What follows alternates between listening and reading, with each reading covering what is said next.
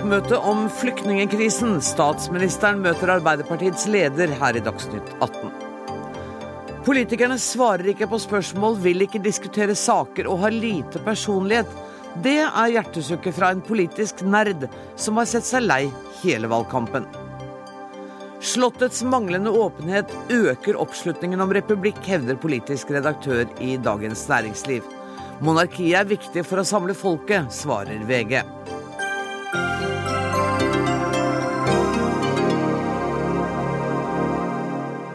Dette er Dagsnytt 18 der vi også spør om det er god klimapolitikk å kutte i bomavgiften for tungtransport, men først. Verden er inne i den mest alvorlige flyktningkrisen etter andre verdenskrig, og i land etter, land etter land sier ja til å ta imot flere flyktninger enn de hadde planlagt. Til nå i år har flere enn 350 000 mennesker lagt på flukt. 3000 av dem har dødd på reisen. Erna Solberg, statsminister, du kommer akkurat nå fra møte med mannskapet som har vært om bord på det norske skipet Siem Pilot, og som har reddet flyktninger i Middelhavet. Hva fortalte de deg? Det er jo sterke historier. Det å finne nesten 50 personer død av enten kullose eller, eller eh, altså mangel på CO2 under et dekk. Eh, det er jo sterkt for de som har vært med, men de forteller jo også om de glade opplevelsene det å det har reddet over 6500 eh, personer. Eh, bilder av barn, nyfødte barn. Det er jo faktisk barn som da er blitt født på båt i, over, i transporten over. Eh, så, så, det er jo Det er både tøft og varmt når man hører på dem. Og det er klart at de oppfatter jo dette som utrolig meningsfylt, givende, men også veldig krevende. Men de opplevelsene og de bildene vi nå ser på skjermen, forandrer det din politikk? Det er alltid sånn at begivenheter forandrer politikken i den formen av at du, du vi, Alle som kommer og søker asyl i Norge, skal få sin asylsak behandlet. Det er klart, det forandrer vår politikk på den måten at vi må fylle de behovene som er. Når vi nå har annonsert at vi fortsetter mandatet til Siem Pilot, så er det fordi at behovene er der. Mm. At Frontex ønsker det. Eh, vi har sagt at det, det skal vi gjøre. Og eh, på den måten forandrer det. Og så er det klart at det, det vi ser nå, krever også at vi begynner å diskutere de større svarene på hvordan sørger vi for mer konfliktreduksjon. Eh, hvordan vi sørger for bedre økonomisk utvikling i Afrika. Altså Det er ikke et svar Jeg har hørt det, og ikke for å gjøre polemikk, men jeg har hørt noen som sier vi må bruke mer penger på den humanitære siden og mindre på den langsiktige bistanden. Eh, og jeg, jeg, jeg tenker at vi må passe på at vi husker at det er økonomisk utvikling, det er håp til ungdommen, det er krise- og konfliktforebygging som kan gjøre noe med disse tingene på lang sikt. Mm. Utrolig vanskelig, utrolig langsiktig. Eh, men det er viktig. Men da er det sånn som du pleier å si, jeg har to tanker i hodet på en gang. Man mm. må gjøre noe med den akutte krisen som er nå, og så må man samtidig tenke, man samtidig tenke på de kommende ja. generasjoner. Jonas Gahr Støre, leder i Arbeiderpartiet, dette tror jeg ikke du er imot i det hele tatt. Men gjør Norge nok? Altså Vi ser jo, eh, når vi leser sosiale medier og kommentarfeltene, at mange mener at vi gjør altfor mye sånn som det er nå. Du mente lite? Nei, mange mener jo at ja, vi skal returnere dem. Eh, men, når jeg, men, når jeg, nå sa det, så er det fordi jeg tror det, det Du får hele spekteret. Noen ja. mener vi altfor mye, noen mener vi altfor lite. Mm. Før sommeren så var jo dette med 8000 syrere over tre år, noen mente det var altfor mye. Uh, og nå er det mange som sier det er for lite. Og det, det jeg er opptatt av her, er at dette handler om politikk, og vi må ta valg. Mm. For det finnes altså ikke noen fasit, ikke noe oppslagsverk som sier at her er verden, dette må Norge gjøre, det er riktig, og her er fasiten. Vi må bruke både hjerte og hjerne og se på hva Norge kan gjøre. Eh, og det som vi minnes på disse bildene, som du sier, jeg tror det påvirker politikk, helt åpenbart. Bilder påvirker, men alle kommer ikke på bildet. Og det er jo noe av det vi også må tenke på som politikere, at det er mange mennesker som aldri blir tatt bilde av, som lever i den ytterste nød, og de er også medmennesker i denne regionen og også andre steder. Gjør Norge øh, nok? Vel, øh, verden er jo slik at det gjøres ikke nok for å stoppe denne krigen. Kan Norge stoppe krigen? Det har vi snakket om mange ganger i denne studio. Vi har begrenset mulighet for det. Eh, det viktige for Norge nå er jo å gjøre godt det vi er i gang med å gjøre. Det tror jeg er helt avgjørende. Og det er å Gi de som kommer og søker asyl i Norge skikkelig behandling. De må tas imot på ordentlig måte. Søknaden må behandles. Vi må støtte kommunene som skal ta imot dem. Ha en dugnad på det. Legge en del politiske skillesaker til side og samles om det. Så må vi gjøre sånn som eh, vi alle slutter opp om, at vi er med å redde liv i Middelhavet. Det kan sjøfartsnasjonen Norge gjøre, og det er bra at dette mandatet blir forlenget. Det er jeg enig med Erna Solberg i. Og så må vi hjelpe i denne regionen. I dag har vi hørt fra FNs høykommissær for flyktninger at de nærmest er konkurs. WHO eh, forteller at de får vaksinert barn i leirene.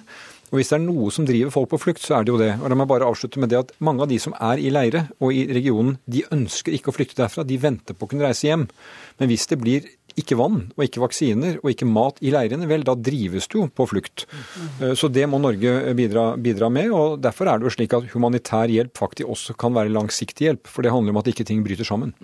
Mm. Og det kan handle om at, at, de faktisk kan være der.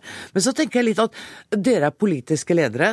Dere skal både ivareta konsekvensene av den økte tilstrømningen og det langsiktige perspektivet i Norge. Mens vi vanlige folk, vi kan være litt jeg holdt på å si glade entusiaster. Gi, uh, gå med bæreposer, tilby mat. Er det et dilemma, statsminister? At du ser denne, denne Jeg snakket i stad om at noen syns vi gjør for mye. Mange, mange tusen nordmenn syns vi gjør for lite, og bidrar sjøl. Men jeg syns det er fantastisk når folk stiller opp med frivillighet. Nå har jeg nettopp vært på Tøyen og besøkt denne sentralen hvor de nå tar imot og pakker om og gjør ting for å hjelpe. Og det, det de har trykket på der, er en knapp av noe av det fineste jeg vet om i det norske eh, samfunn. Vi stiller opp når folk er i nød. Vi stiller opp på dugnadsinnsats. Vi gjør eh, eh, en innsats. Og da har man ofte lyst til å gjøre noe praktisk. Noe som, er, noe som er enkelt, noe som du kan gjøre her og nå og vise. Og det er fantastisk bra at så mange gjør. Og så har jeg vært veldig opptatt av at det engasjementet bør egentlig fortsette. For nå kommer det mange som skal bosettes i kommunene. Det kommer barn til flyktningemottak som skal få være med i en, en idrettsforening. De skal kanskje være med på speidertur. De skal gjøre ting som, som, som, gjør at de kan leve et normalisert liv. Eh, ikke minst er det kjempeviktig for mange som kommer og skal bli bosatt i Norge, at de får lov å snakke norsk med noen. For noe av det vanskeligste innvandrere sier, det er at de går på et norskkurs, men de har ingen nordmenn å praktisere med. Så det er mange sånne ting å ta vare på det. Og det skal vi aldri si noe. Så må det selvfølgelig være sånn at vi av og til da må si at ja, alt kan vi ikke løse, og noen ting må vi løfte eh, det store verdenssamfunnet for. Og jeg mener noe av det vi ser med krisen nå, er at verdenssamfunnet har svart for lite på hjelpen i nærområdene. Mm. Ikke bare for å stoppe krigen, for det er, mener jeg er kanskje en av de tingene som, som nå virkelig viser seg sitt store bilde, at mangelen på reaksjon eh, tidlig mot Assad-regimet nå betaler vi mye for. Noen sier vi betaler mye for det som skjedde i Libya og bombingen der, men vi betaler også mye for det vi ikke gjorde i forbindelse med, med Syria. Men dette er internasjonalt samarbeid vi er nødt til å ha for å finne løsningene. Men mange av de som beveger seg nå, beveger seg også fordi høykommissæren eh, jo, mange av de andre organisasjonene får ikke nok penger til det arbeidet som skal skje lokalt. Og da flytter folk på seg. Hvis barn ikke får muligheten til å ta utdanning når de er flyktning, så beveger de seg. Hvis det mangler vann i flyktningleirene, så er det klart man ja. Trine Skei Grande, du er en av de utålmodige. I dag har eh, dere bedt statsministeren om å samle Stortinget til et ekstraordinært møte for å diskutere nettopp flyktningkrisen. Hvorfor må et samlet storting gjøre det? Nei, Det som er viktig for meg, er at statsministeren skal føle at hun har alle mandat til å gjøre det som må gjøres, både med norske innsatsen her, for å ta imot dem, til å sørge for at vi deltar internasjonalt, og at vi deltar i den europeiske dugnaden. Og da sa jeg at for det første, Venstre som avtalepartner i budsjettet vil gjerne gi regjeringa backing for å gjøre de omprioriteringer som trengs, pluss at jeg mener at hvis statsministeren har lyst til å ha et sterkere mandat fra Stortinget for den jobben som nå må gjøres, så er vi veldig åpne for at Stortinget innkalles, selv om vi ikke akkurat er i møte nå. For dette er en så alvorlig katastrofe. Det er så mye mer alvorlig enn det var eh, når vi behandla flyktningavtalen i Stortinget, at eh, jeg vil være forsikre meg om at statsministeren føler at hun har det handlingsrommet som hun bør bruke i denne sammenhengen. Føler statsministeren at hun har det handlingsrommet? Ja, det føler jeg. Jeg kan ikke hoppe bukk over eh, norske lover og bevilgningsreglementet likevel. Men vi har jo sagt, og det sier jeg på fredag, at vi, vi går nå igjennom og kartlegger hele situasjonen på, på, vårt eget mottaksapparat, på hvor vi skal styrke. Vi kom ikke helt i havn til statsråd på, på fredag som var, derfor ga vi en krisebevilgning til Stortinget, nei, til, til eh, Politiets utlendingsmyndigheter på fredag, men vi vil 18.9 levere en proposisjon til Stortinget om disse ekstrabevilgningene på inneværende års budsjett for å kunne håndtere den situasjonen som oppstår. Og vi kommer til å trenge mer mottak for enslige mindreårige, både de som er under 15 år og de som er over 15 år. Vi trenger eh, sannsynligvis oppbacking på mange ulike spesialiteter i mottak, og vi trenger mer utleieboliger for å få nok boliger til, til bosettingen fremover. Trine Skei Grande, er du beroliget av dette svaret? Jeg er i hvert fall beroliget over at statsministeren mener at hun har et eh, handlingsrom her som hun er villig til å bruke. Men jeg må håpe jo også at man gjør det for å delta i den europeiske dugnaden som vi nå trenger å fordele byrder mellom land. Jeg håper jo at hun sender en av sine fremste menn eller damer fra regjeringa på mandag til EU for å se på hvordan vi kan bidra i det, det felles eh, europeiske løftet som vi må gjøre. Mm. Og, og det skal vi snakke mer om i Dagsnytt 18 om et lite øyeblikk. Ja, det er kjempebra. Ja. Og så må vi sørge for at vi bidrar internasjonalt på de måtene vi kan. Men vi må ha et mottaksapparat her i Norge òg, så vi følger opp de forpliktelsene vi har for de menneskene som kommer hit. Jonas Gahr Støre, det har vært bekymring over at de 8000 som dere har inngått avtale om, vil bli langt flere når man får familiegjenforening osv. Er det en bekymring som har økt eller blitt redusert hos deg i det siste? Den har ikke endret seg. fordi eh, Det er jo noen tilfeller familiegjenforening. Jeg tror det viser seg sjeldnere med altså mindre omfang med kvoteflyktninger, for de blir intervjuet én for én der nede. Så Det er jo en gruppe vi har veldig god oversikt over. og Jeg gjentar, jeg tror det er viktig å stå ved den avtalen, gjennomføre den, og så skal vi evaluere den til neste år. Og så vil jeg bare si at uh, også har Erna Solberg full støtte fra oss til å ta de tiltakene som nå trengs for at mottaksapparatet, som er blitt litt overveldet, uh, kan rustes opp. Vi skal takke for at de frivillige har dekket en del behov, for de er raske til å reagere. Bymisjonen, Røde Kors. Det syns ikke jeg er noe galt, det syns det er bra. Men så må det ordentlig mottaksapparat opp og stå. Men så må vi løfte blikket litt fremover, og det er jo kommunene våre. De skal stå der på hverdager, og de skal stå der også når det ikke tas bilder, for å si det sånn. Så kommuneøkonomi opplegget for at kommunene kan bosette, Husbanken, integrering, norskopplæring. Det kommer til å kreve denne fine kombinasjonen som denne dugnaden vil kreve. Kommunalpolitikk, vedtak, og også hvordan vi klarer å invitere inn da eh, frivillige eh, og alle gode krefter. Og Derfor er det så viktig at vi nå i denne innsatsen har et bredt flertall som står bak det, og at vi, at vi sender de lignende budskap ut fra eh, stortingspolitikere. Og når, eh, når, budsjettet er lagt fram, så kommer vi til å snakke mye mer om dette også i dette studio. Tusen takk skal dere ha, Erna Solberg, Jonas Gahr Støre og Trine Skei Grande.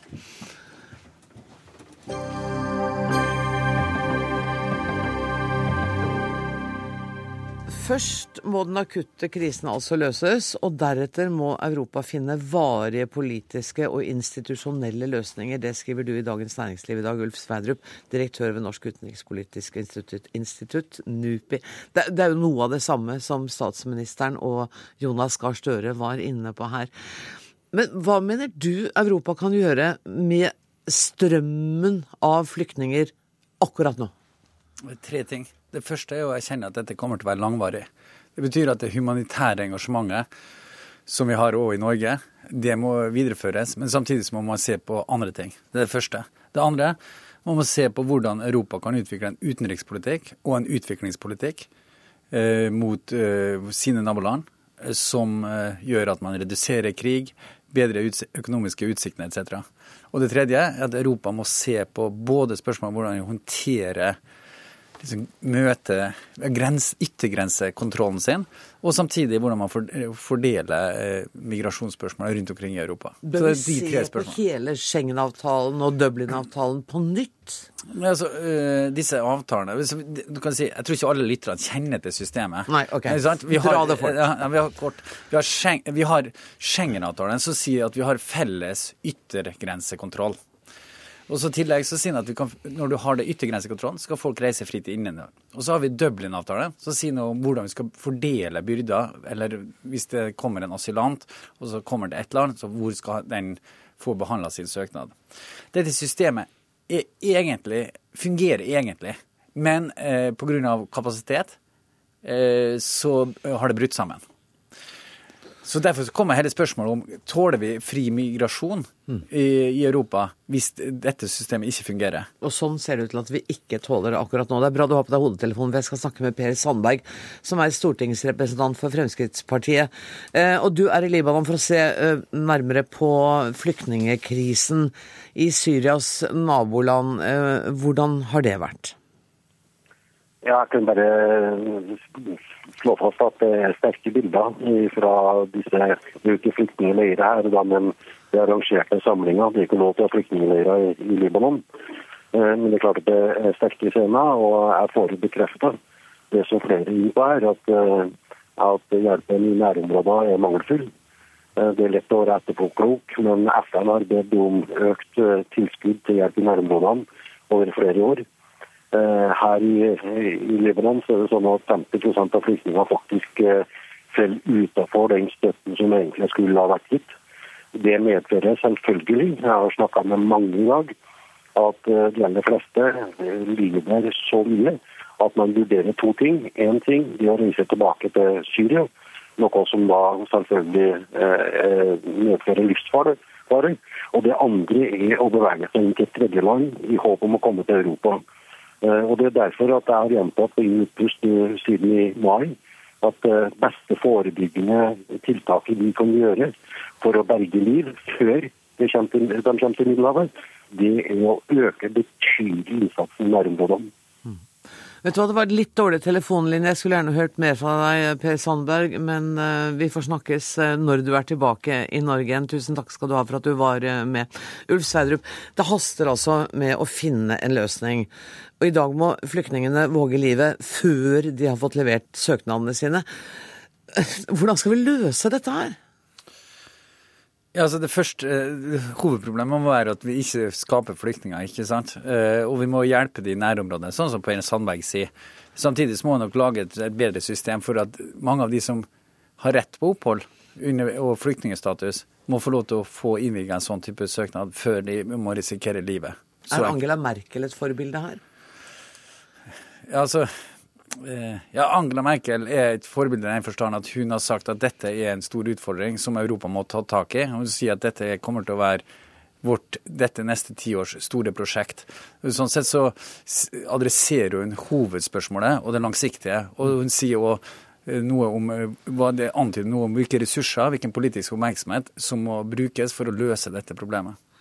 Vi må avrunde snart, men før vi gjør det, så skal jeg ta med Espen Aas, som er vår korrespondent i London. Og akkurat der har jo statsminister David Cameron i dag også adressert dette problemet, Espen Aas. Absolutt. Eh, det har jo vært knyttet en del spenning til hva Storbritannia kom til å si om antall eh, flyktninger. Det ble til slutt klart nå i ettermiddag at eh, det skal tas inn 20 000 flyktninger til Storbritannia over en femårsperiode, altså 4000 eh, i snitt i året.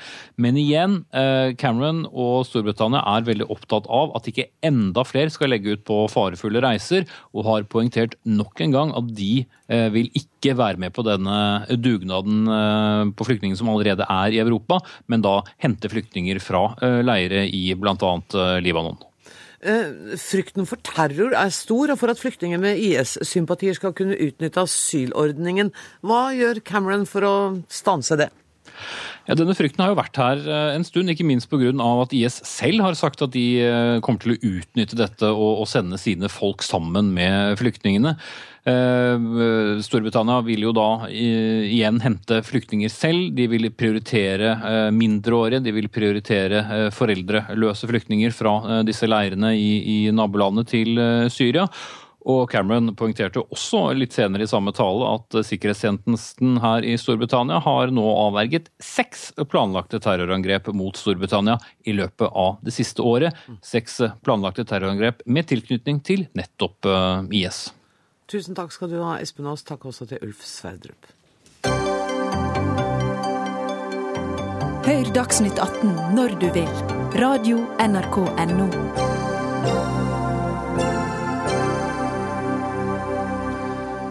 Avisene triller sekser på terningen i et omfang vi nesten ikke har sett maken til. Men i teatersalen er publikum så sjokkert og rystet at det tar lang tid før de orker å applaudere. Nationaltheatret har satt opp et av, to, et av de viktigste teaterstykkene i vår tid, hvis vi skal tro anmelderne. Klassen vår handler om en skoleklasse i Polen før, under og etter krigen. En klasse bestående av jøder og katolikker, en klasse der stemningen er god helt til den ikke er det lenger. Velkommen til studio, Marika Enstad og Jan Gunnar Røise. Jan Gunnar Røise heter du.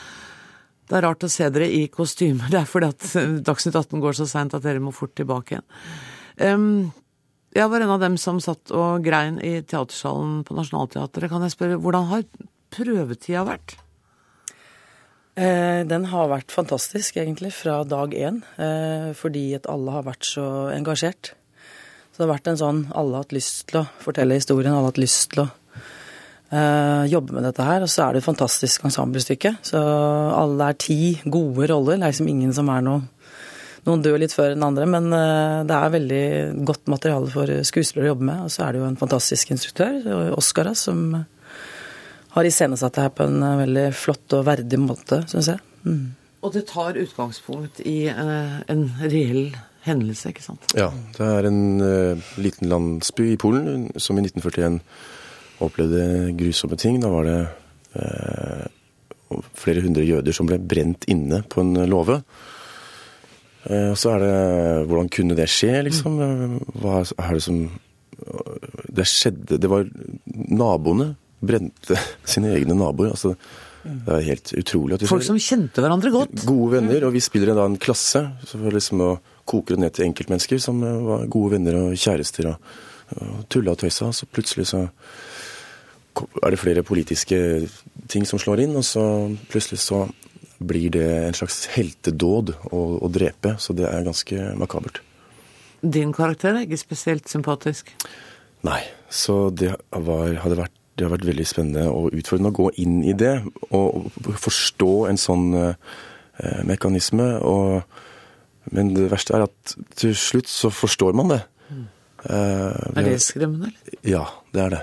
Vi har sett masse krigsfilmer, og vi har, vi har brukt veldig mye tid av prøvene bare å høre på polsk og europeisk historie og de tingene som leda fram til det her. Og Eh, det som skjedde, det skjedde, og det kan skje igjen. Det er det som er eh, så forferdelig. Og det, det skjer med helt vanlige folk.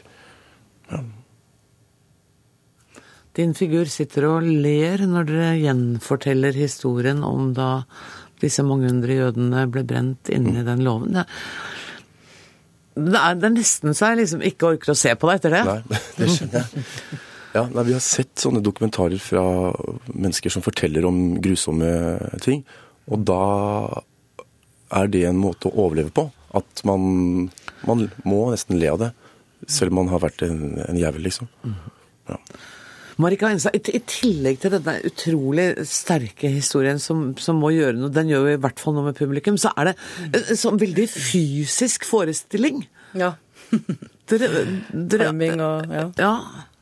Nei, det er jo det, det som har uh, vært fantastisk å jobbe med Oskaras også, fordi han har lagd uh, fysiske bilder. Det er ikke bare, mm.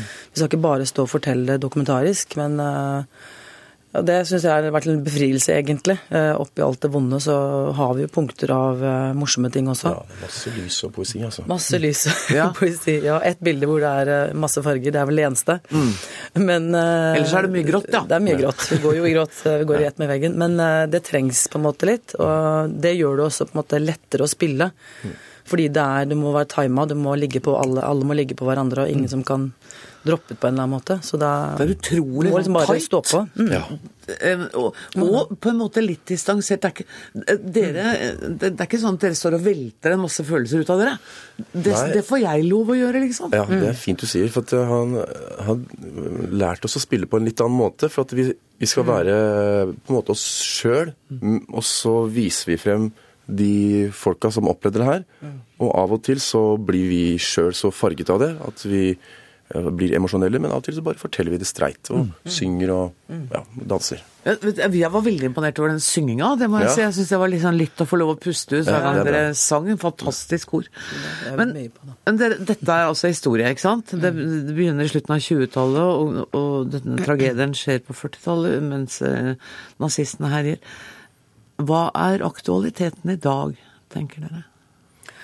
Nei, jeg syns jo det vi ser, begynner å se det som har skjedd litt. Eh, Syria, det som vi ser nå skjer, det er jo Historien gjentar seg bare, på en måte. Det er bare andre steder. Mm. Andre mennesker. Eh, jødedommen er jo ikke liksom uh, trua sånn sett, men det er mennesker som er på flukt, og det er forferdelige bilder vi ser. Ja. Så det, det, er ikke så veldig stor forskjell, liksom, egentlig. Hadde ikke så mye med krigen å gjøre heller, egentlig, tenker jeg. Det var mer situasjonen, mer den tida. Altså russerne som pusha på. altså Alle måtte bare gjøre det for å redde seg sjøl. Alle ville blitt drept hvis man ikke, sånn som min karakter, jeg skjulte jo, valgte jo å skjule de, hjelpe de. Eh, men hvis ikke så ville jeg jo blitt drept sjøl. Så det er jo den, underlaget der som er eh, så utrolig sterkt, da.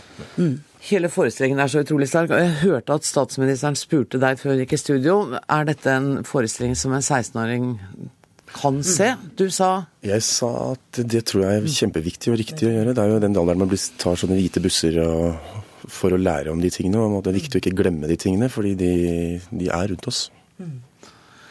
Jeg kan love at hvis man har sett den forestillingen, glemmer den ikke. Tusen takk for at dere kom. Nå skal dere ned og gå på scenen igjen. Marika Enstad og Jan Gunnar Rause, tusen takk. Dagsnytt 18 alle hverdager klokka 18. På NRK P2 og NRK2.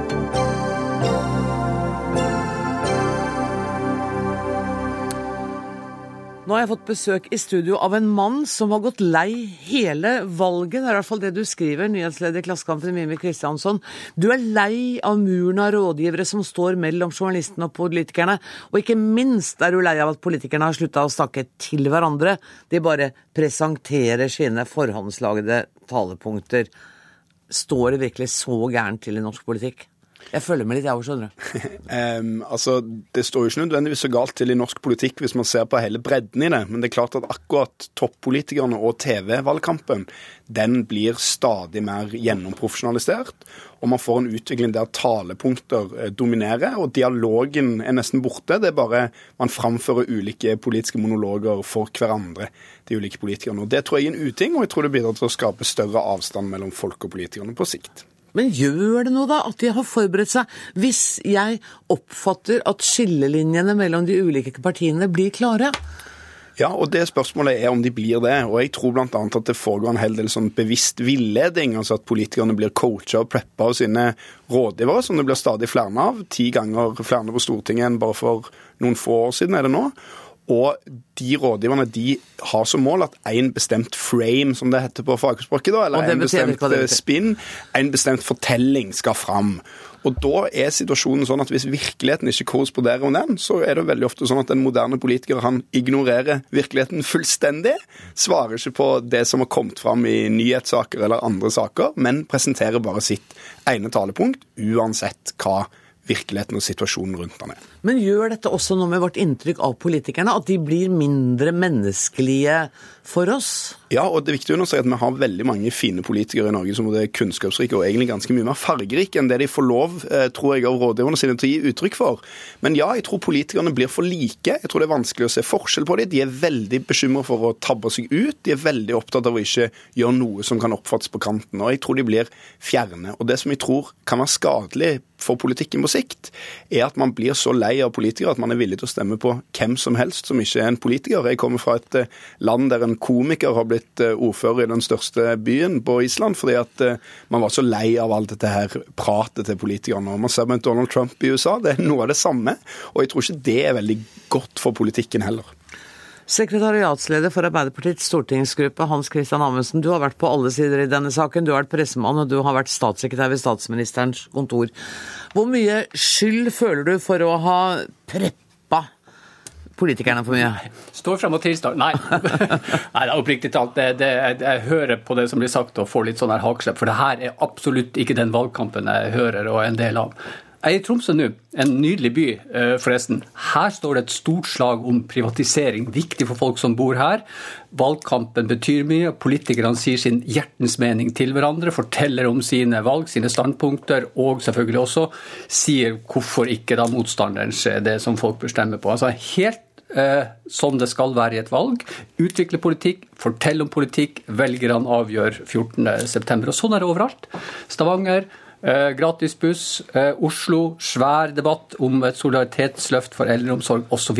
Det er altså demokrati på sitt aller aller, aller beste, det vi er vitne til i Norge akkurat Hans Christian Amundsen, nå gjør du akkurat det som Mime Kristiansson beskylder andre politikere for å gjøre. Du snakker om noe annet enn det vi skulle snakke om. Fordi ja, det Mime Kristiansson snakker om det. Man må jo korrigere da spørsmålet er feil, premissen er feil. Det pleide Kåre Willoch å gjøre, det syns jeg er klart utmerket nå. Jeg er ikke helt enig med deg den evalueringen der. Men for det vi snakker om, er jo den debatten som går på TV, Amundsen. Og der på TV ser vi partilederne, vi ser statsministeren, vi ser opposisjonsleder.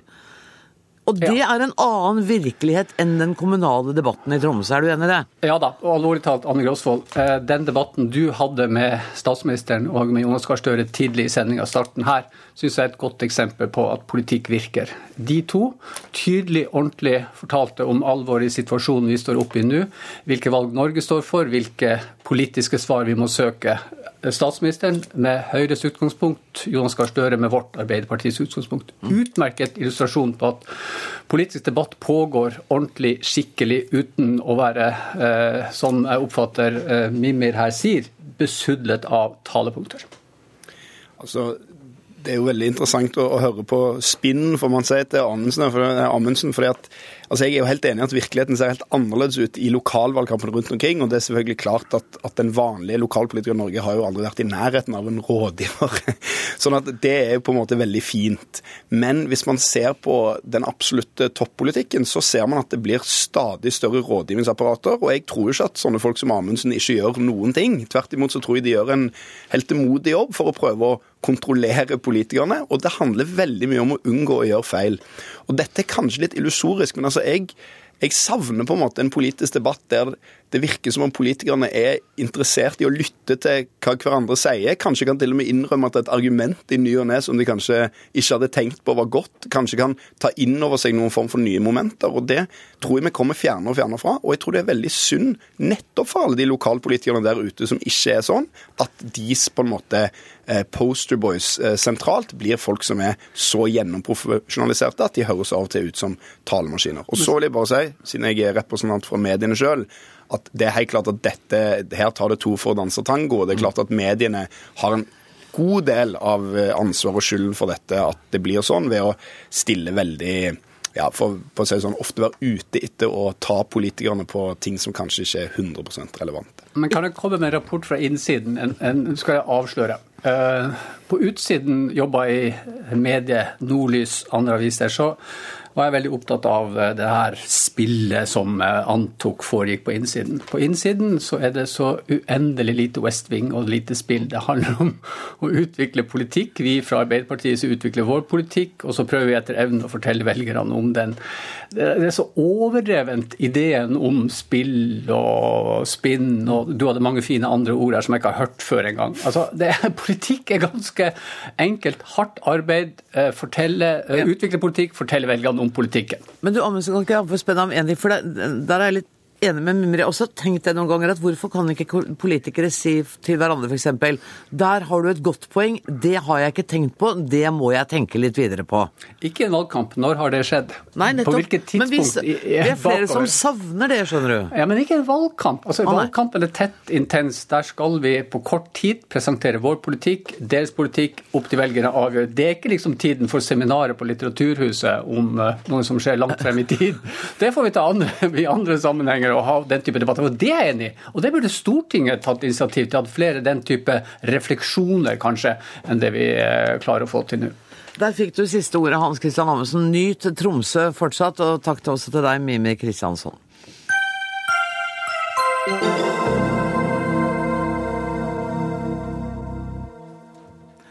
Det slo meg at det er utrolig mange menn som kommer inn i denne, dette studioet i dag, bortsett fra statsministeren. Men altså, dere er hjertelig velkommen. Heldigvis hadde vi Marika Ensa her også.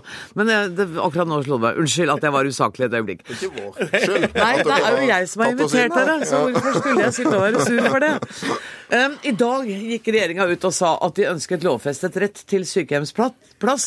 Og det er faktisk en rett som allerede finnes. Dette forslaget til såkalt lovendring er nemlig bare en tydeliggjøring. For i Norge har vi rett til sykehjemsplass sånn som ordningen er i dag. Dette er likevel viktig, det mener du, Bård Hoksrud i Fremskrittspartiet? Ja, definitivt. Fordi at ja, det er lovfesta i dag. Men hvis man ser på eldreomsorgen og ser på det som vi har sett flere eksempler på de siste ukene, så er jo langt mellom virkeligheten og det at man faktisk har rett til å få en plass hvis man trenger det. Derfor er det viktig at man nå presiserer det som ligger der, og hva som er rettighetene, og at man faktisk har en rettighet. og og kommunen har en plikt til å stille opp. Også det andre som er viktig, som ikke er i dag, det er faktisk også at på sikt så vil legen, fastlegen, til pasienten også ha en vesentlig innflytelse når inntaksteamet i kommunen bestemmer seg for om du skal få en plass eller ikke. Mm. Men dere mener at dette her er bare tøys? Altså, dette utspillet det, Jeg holdt på å si at det liksom lukter av valgkamp lang vei, men det er jo ikke noe valgflesk her engang. Det er bare ingenting. Eh, en kan lese i forslaget fra regjeringen at eh, det man gjør her, er å presisere eh, en plikt kommunene allerede har. Og med dette forslaget så følger det den nette sum av kroner null til økt aktivitet i norsk eldreomsorg. Og grunnen til det, det er jo at regjeringen regner ikke med at det kommer til å utløse noe ekstra aktivitet, fordi disse rettighetene har de eldre allerede. Så det, det er et slags forsøk på å tåkelegge hele debatten om eldreomsorg, late som om dette er et stort nytt grep, mens det i realiteten bare handler om å bruke ekstra papir på å skrive om igjen det som allerede er det eksisterende lovverket i Norge. Og jeg syns Fremskrittspartiet istedenfor burde forklare velgerne hvor det blir av de store valgløftene de ga. De som ville skapt en forskjell i de eldres hverdag. De om flere folk på jobb, de om mer ressurser til eldreomsorgen. Det er jo det som spiller en rolle. Det her er bare papir. Er det det? For jeg leser, leste gjennom høringsbrevet i dag, og der står det altså at i forarbeidene til loven fra 2011 så står det at selv om en person har rettskrav på nødvendig helse- og omsorgstjeneste, betyr ikke det at vedkommende i utgangspunktet har krav på en bestemt type tjeneste. Med andre ord, det er ikke slik at selv om en person har krav på helse- og omsorgstjeneste fra kommunen, så har personen også krav på en, en bestemt tjeneste, f.eks. en institusjonsplass. I det nye forslaget har denne kompliserte setningen blitt til. Pasient eller bruker har rett til opphold i sykehjem eller tilsvarende bolig, særskilt tilrettelagt for heldøgnstjenester, hvis dette er helse- og omsorgsfaglig vurdering. Mm. Det er, det er, ganske, det er en forandring. Ja. Nei, altså kommunene, sier, kommunene sier jo sjøl at de ikke tror dette kommer til å spille noen rolle. Jeg, sånn, jeg, har ikke tenkt å gå imot dette forslaget. Jeg er helt for at vi, vi, presiserer at de eldre har rettigheter. Men hvis en virkelig skulle gjort noe, så skulle vi jo styrket de rettighetene de har, til konkrete ting. Hva er det vi mangler i norsk eldreomsorg i dag? Vi mangler tid til å få frisk luft på sykehjemmene. Vi mangler tid til aktiviteter, tid til å komme ut av ensomheten. Vi mangler ordentlig mat laget på stedet. Hvis, hvis Bård Hoksrud hadde kommet med noen sånne rettigheter, så hadde jeg syntes det var fantastisk bra. Men det er jo ikke det som er her. Fortsatt så vil det store spørsmålet være klarer vi å bygge nok sykehjemsplasser? Og kommer regjeringen med de pengene som skal til for å drive de sykehjemsplassene? Og det har vi ikke fått noe svar på her. Jeg er i hvert fall veldig glad for at Audun Lysbakken etter åtte år i regjeringskontorene, eller i regjeringskonstellasjonen, endelig har kommet ut i den virkelige verden og ser hvordan det er. For det er ikke riktig det Audun Lysbakken sier nå, at det ligger ingenting konkret, og dette betyr ingenting i forhold til det som ligger der. Jo, det gjør det. For det første så er det sånn at nå blir kommunene pålagt å sørge for å lage eh, lister over de som står på venteliste. Offentlige ventelister. Ja, venteliste, sånn at vi får vite hvor mange er det faktisk som trenger en plass. Det ville ikke Audun Lysbakken og den rød-grønne regjeringa. De sa nei til offentliggjøring av ventelister på sykehjem og KS er også litt skeptiske til det, så jeg i dag. Ja, og det, det registrerer jeg, men vi må jo vite det når vi skal bevilge penger og sørge for at vi får nok sykehjemsplasser. Og så er det sånn at vi har altså for første gang bevilga penger nå til 2500 sykehjemsplasser. I fjor var hele potten brukt opp i oktober. Vi øka tilskuddet fra 35 til 50% for sykehjemsplasser, sånn at man får altså øka det statlige bidraget. Det gjør at nå bygger kommunene flere sykehjem og flere sykehjemsplasser. Det betyr også at driftsutgift, driftsutgiftene vil gå opp, og man må bevilge mer penger til eldreomsorgen. Det gjør denne regjeringa, og det er vi i ferd med å gjøre. Fordi okay. vi vil at alle skal få denne rettigheten, og de skal altså få den plassen, uavhengig om det er i Bergen, Oslo eller et Lindesnes eller, eller Trøndelag. Men du er hjertelig velkommen nå til å komme med en liten budsjettlekkasje. Jo, men det har vi allerede sagt. Vi setter i gang et, et forsøksprosjekt med 20 kommuner som får inntil 25 millioner kroner mer i året. Det er nesten 40-50 50 eh, friske, nye hender i, i, den kommunen som vil få 25 millioner kroner. Det er det 20 kommuner som får 25 millioner kroner hver? Inntil 25 millioner kroner hver, mm. for å styrke eldreomsorgen. Vi i Fremskrittspartiet ville jo gjennomført dette fullt ut, men vi er de eneste som har full statlig fullfinansiering. Men vi har fått med Høyre på dette, og jeg er glad for det. Og når vi ser at dette kommer til å funke, så vil også de andre partiene, også Audun Lysbakken, vil da skjønne at statlig fullfinansiering er den beste løsningen. Da er man ikke avhengig av om man har god eller dårlig kommuneøkonomi. Nå må jeg bare høre. Hørte dere på den diskusjonen mellom Mimir Kristiansson hadde Hans Christian Amundsen i stad, eller? Ja, vi gjorde det. Ja. Men, men la meg si sånn, Bård Hoksrud mener dette. Uh, Ja. Så det der var ikke et talepunkt. Han mener det ordentlig. Men det var Eh, mer evnen til å lytte til hverandre. Ja, det er sant. Men problemet er jo bare at uh, oppskriften hans ikke er så god. Uh, så vi er uenige om hva som er den riktige oppskriften. sant? Eh, men vi er enige om hva som er problemet. Eh, det er at det er for få sykehjemsplasser, og det er for få folk på jobb på de sykehjemmene vi allerede har. Så hvordan løser vi det? Ja, For det første så må jo kommunene få penger til å drive sykehjem. For det nytter ikke med flere plasser hvis ikke kommunene får penger til det. Eh, Og med den kommuneøkonomien denne regjeringen legger opp til, så går ikke det. For det andre så må vi ha sterkere nasjonal styring. Der er vi faktisk enige. Vi vil ha sterkere nasjonal styring, men jeg tror ikke så mye på det her eh, stykkprissystemet til Bård Hoksrud. Det tror jeg kommer til å skape en nasjonal stoppeklokkeomsorg. Jeg vil heller ha en nasjonal bemanningsnorm som sikrer god bemanning på alle sykehjem. Det har også Frp vært for. Men etter at Frp kom i regjering, så har det altså blitt en masse forsøksordninger og utredninger og her, eh, denne typen liksom, papirvedtak som vi har fått i dag. Mens det viktige, tiltakene for økt bemanning, de ser vi ingenting til. Og det jobber vi på spreng med. Vi er veldig opptatt av at vi skal få på plass bemanninger som gjør at det er forsvarlig i sykehjemmene våre. Det jobber regjeringa med. Vi har sagt at vi skal øke bemanninga. Vi har bevilga 500 millioner for å øke bemanninga i fjor til eldreomsorgen i Norge. Vi bevilger mer penger, men det hjelper ikke som Lysbakken vil. Han vil at kommunepolitikerne skal få lov å bruke pengene til hva de vil, om de vil bygge kulturhus eller andre ting. Vi vil at de skal bruke på eldreomsorg, og derfor skal det være en statlig fullfinansiering av eldreomsorgen. Det er jo ikke riktig. Jeg ønsker en nasjonal bemanningsnorm. Eh, Og da vil kommunene måtte sørge for at det er nok folk eh, på jobb. Og inntil vi kommer dit, da kan vi gjøre følgende i kommunene. Vi kan ta de enorme vikarbudsjettene som mange kommuner har i eldreomsorgen, og så kan vi gi flere av de flotte damene, for det er oftest det det er, som jobber i eldreomsorgen, fulle og faste stillinger. Da kan vi få flere på jobb. Men den politikken opplever vi jo ikke ofte at Frp er med. Den kan vi ikke ta, det har vi ikke tid til, mine herrer. Men jeg ønsker dere hjertelig velkommen tilbake til Dagsnytt 18, Audun Lysbakken og Bård eh, Hoksrud. Dagsnytt 18 alle hverdager klokka 18.00 på NRK P2 og NRK2. Slottet er blitt kritisert for manglende åpenhet. I sommer ferierte kronprinsparet på en luksusbåt. Oppholdet kostet mer enn to millioner kroner i uka, men Det kongelige slott har fram til i dag ikke informert om hvem som betalte ferien. Da kronprinsen ble spurt direkte om hvem som var eieren av båten i ettermiddag, ville han ikke si annet enn at de var på, på besøk hos en venn. Så vi eh, var på besøk da, noen dager. Eh, og så eh, har det vært mye spekulasjoner om det. Men det er jo så enkelt som det, at vi var på besøk noen dager. Hvem er denne vennen? Nei, Jeg har ikke lyst til å gå sånn mer i detalj på det. Eh, men eh, eh, jeg syns jo at det Jeg hadde ikke tenkt å si så mye mer om det, egentlig, men eh, Når man begynner å spørre sånn hvem Altså, jeg tenker ikke på det sånn. Når vi er hos en venn, så tenker jeg ikke at eh, at liksom sånn at vi, han skylder oss noe, eller vi skylder han noe. Det er jo ikke sånn det fungerer. Harald Stanghelle, redaktør i Aftenposten. Kronprinsen svarte altså på spørsmålet. Hva syns du? Jeg er litt overraska over at eh, kronprinsen ikke nytter dette høvet til å eh, legge denne ballen død. Med andre ord eh, kunne si hvem som betalte denne ferien. Åpenhet det er en kvalifikasjon i et tillit- tillitssamfunn som vårt.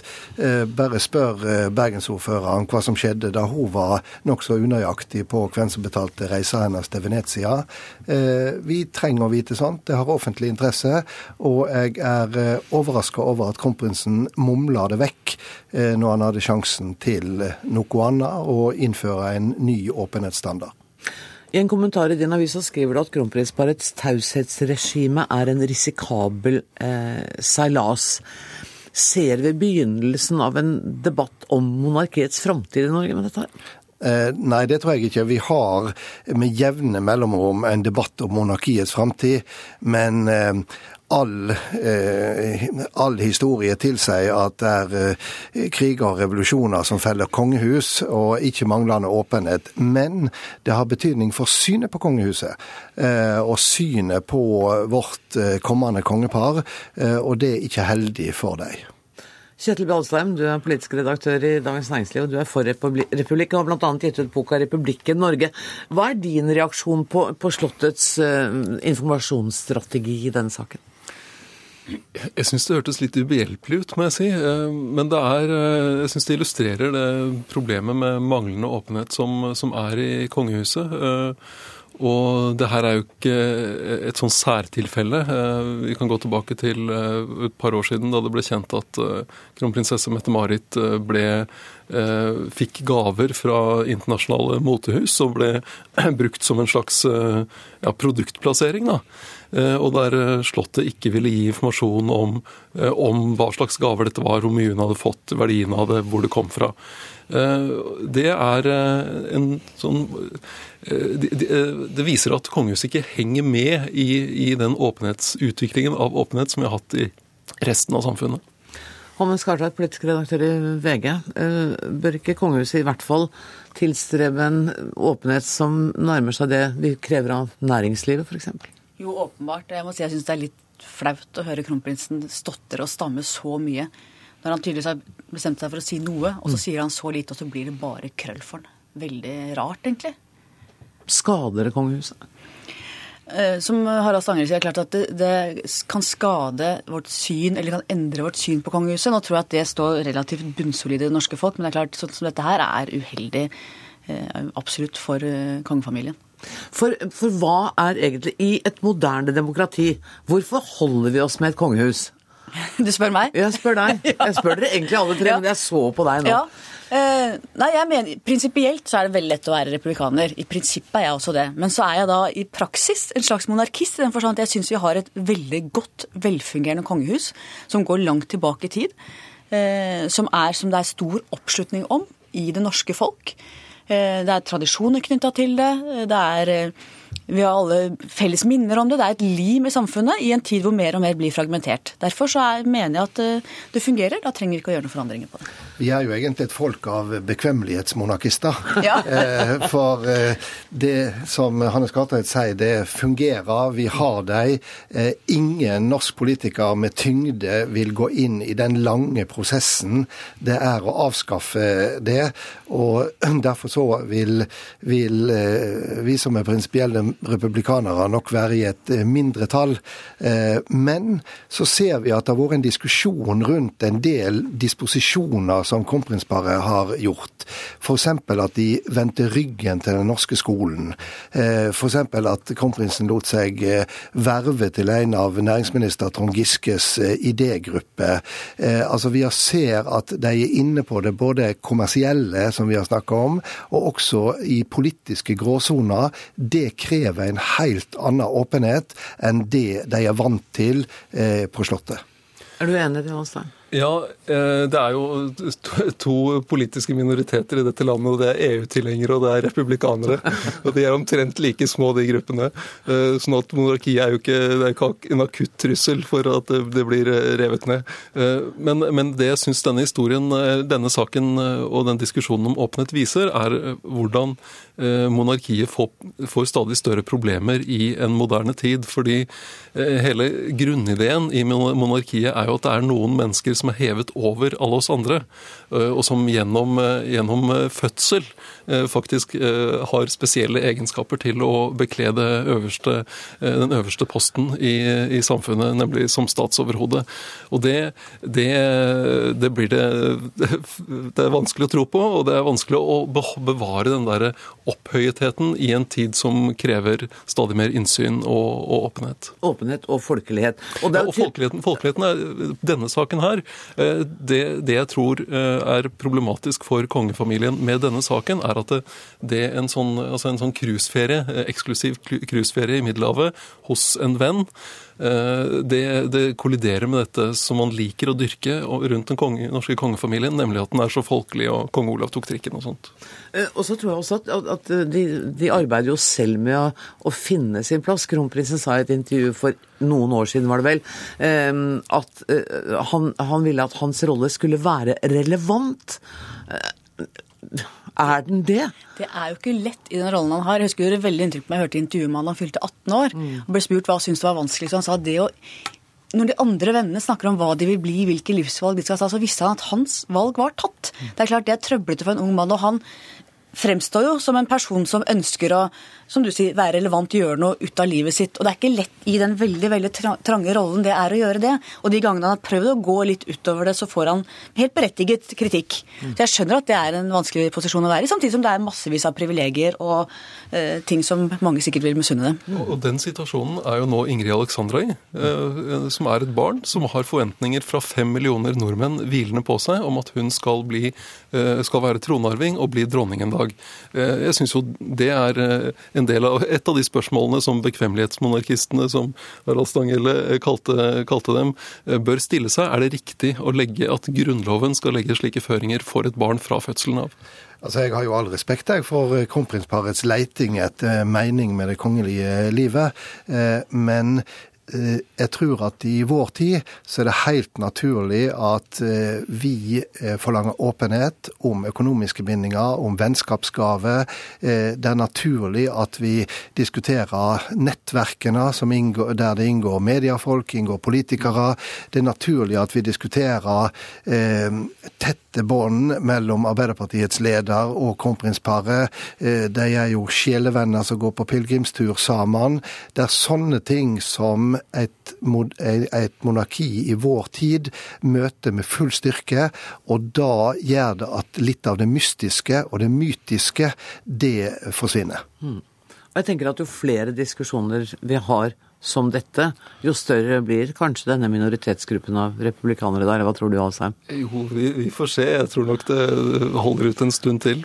Jeg håper å ha minoriteten med EU-tilhengere vokse kraftig. Så får det andre gjøre som de vil. Men jeg tror nok det at, de, de, at kongehuset bør legge seg på en standard som er nærmere den eh, vi har om eh, krav om åpenhet som gjelder for, for politikere, folkevalgte. Og det er jo der vi har sett et eksempel i dag som er virkelig overraskende, fordi det sementerer en eksklusiv lukkethetskultur der eh, kronprinsen med full rett kunne åpne døra. Et, de holder på med. Et lite eksempel på, for å sammenligne her, da, er eh, Stortinget har jo et, et register for politikernes økonomiske interesser, der de oppgir gaver, bl.a. Og noe av det Arbeiderpartiets Rigmor Aasrud har oppgitt, er et, eh, et fat med gravering som hun fikk på potetfestivalen på, Å- på, på Gran, der hun ble, fikk hedersbetegnelsen Årets potet. Det var siste ord. Tusen takk for at dere kom til Dagsnytt 18. Kjetil Balsheim, Harald Stangele og Hanne Skartveit.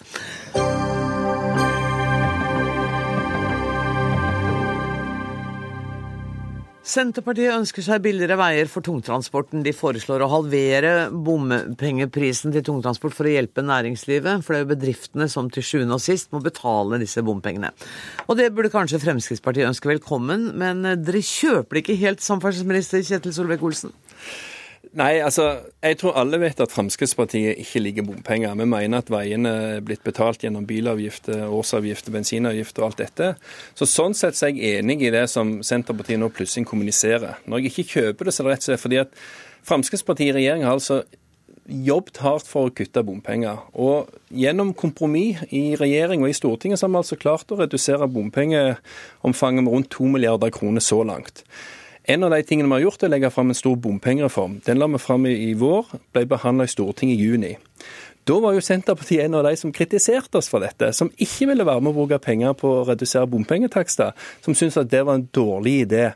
Og Derfor syns jeg det lukter vel mye valgflesk når vi etter Stortinget har gjort vedtak, får et forslag fra Senterpartiet om å kutte bompenger. Da tror jeg nesten ikke på det utover at de ønsker å fange, fange velgere. Geir Pollestad, stortingsrepresentant for Senterpartiet.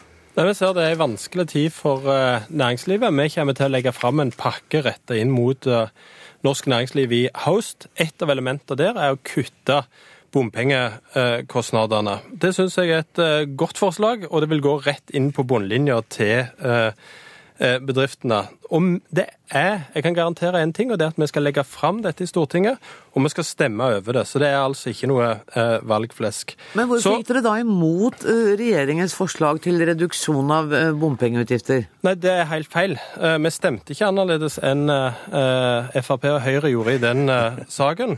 Vi påpekte imidlertid at den løsningen som regjeringen hadde valgt, var byråkratisk og, og tungvint. Men nå, Men jeg jeg, kan- nå må vi få en oppklaring her. Altså, Dere stemte sammen med Fremskrittspartiet og Høyre, men mente at skissen var dårlig. Ja, Stortinget gjorde reelt sett ikke noe vedtak i saken, men vi skrev at denne rentekompensasjonsordningen det er en dyr måte eh, å, å gjøre eh, bompengene mindre på. Men jeg kan si en ting, og det er at eh, hvis Solvik-Olsen ønsker å komme med kom, nye prosjekt der den statlige andelen er høyere og bompengene lavere, så skal Senterpartiet stemme for det. Vi kommer til å følge det som regjeringa legger fram. Ja, Vi har allerede lagt fram mange veiprosjekt som har lavere bompengeandel enn det Senterpartiet, Arbeiderpartiet og SV foreslo da de var i regjering. Det var Men hvis du la de fram, så kan jo ikke vi ha lagt de fram. Nei, men de ble omtalt i Nasjonal transportplan av deres regjering. Når vi da legger de fram som prosjekt som skal gjennomføres, så har de mindre bompenger enn det dere la fram til. Så det tror jeg du forstår. Når det gjelder, når det gjelder Jeg forstår godt at programlederen blir litt frustrert, men altså, faktum er at nei, det er riktig at Senterpartiet stemte med regjeringen, men de argumenterte imot regjeringen. Så, så det, det var ingen sammenheng med det, det de gjorde da, og derfor blir det heller ingen sammenheng med det de egentlig foreslår nå. Men hvis, hvis målet her er å hjelpe norsk næringsliv, så mener jeg det er en veldig dårlig idé å redusere bompenger, en, som, der en tredjedel av denne reduksjonen vil komme utenlandske vogntog til gode. Det er altså ikke utenlandske lastebilselskap som bør få støtte når vi skal legge fram tiltakspakker. En tredjedel av vogntogene som er på norske veier, er altså utenlandsk registrert.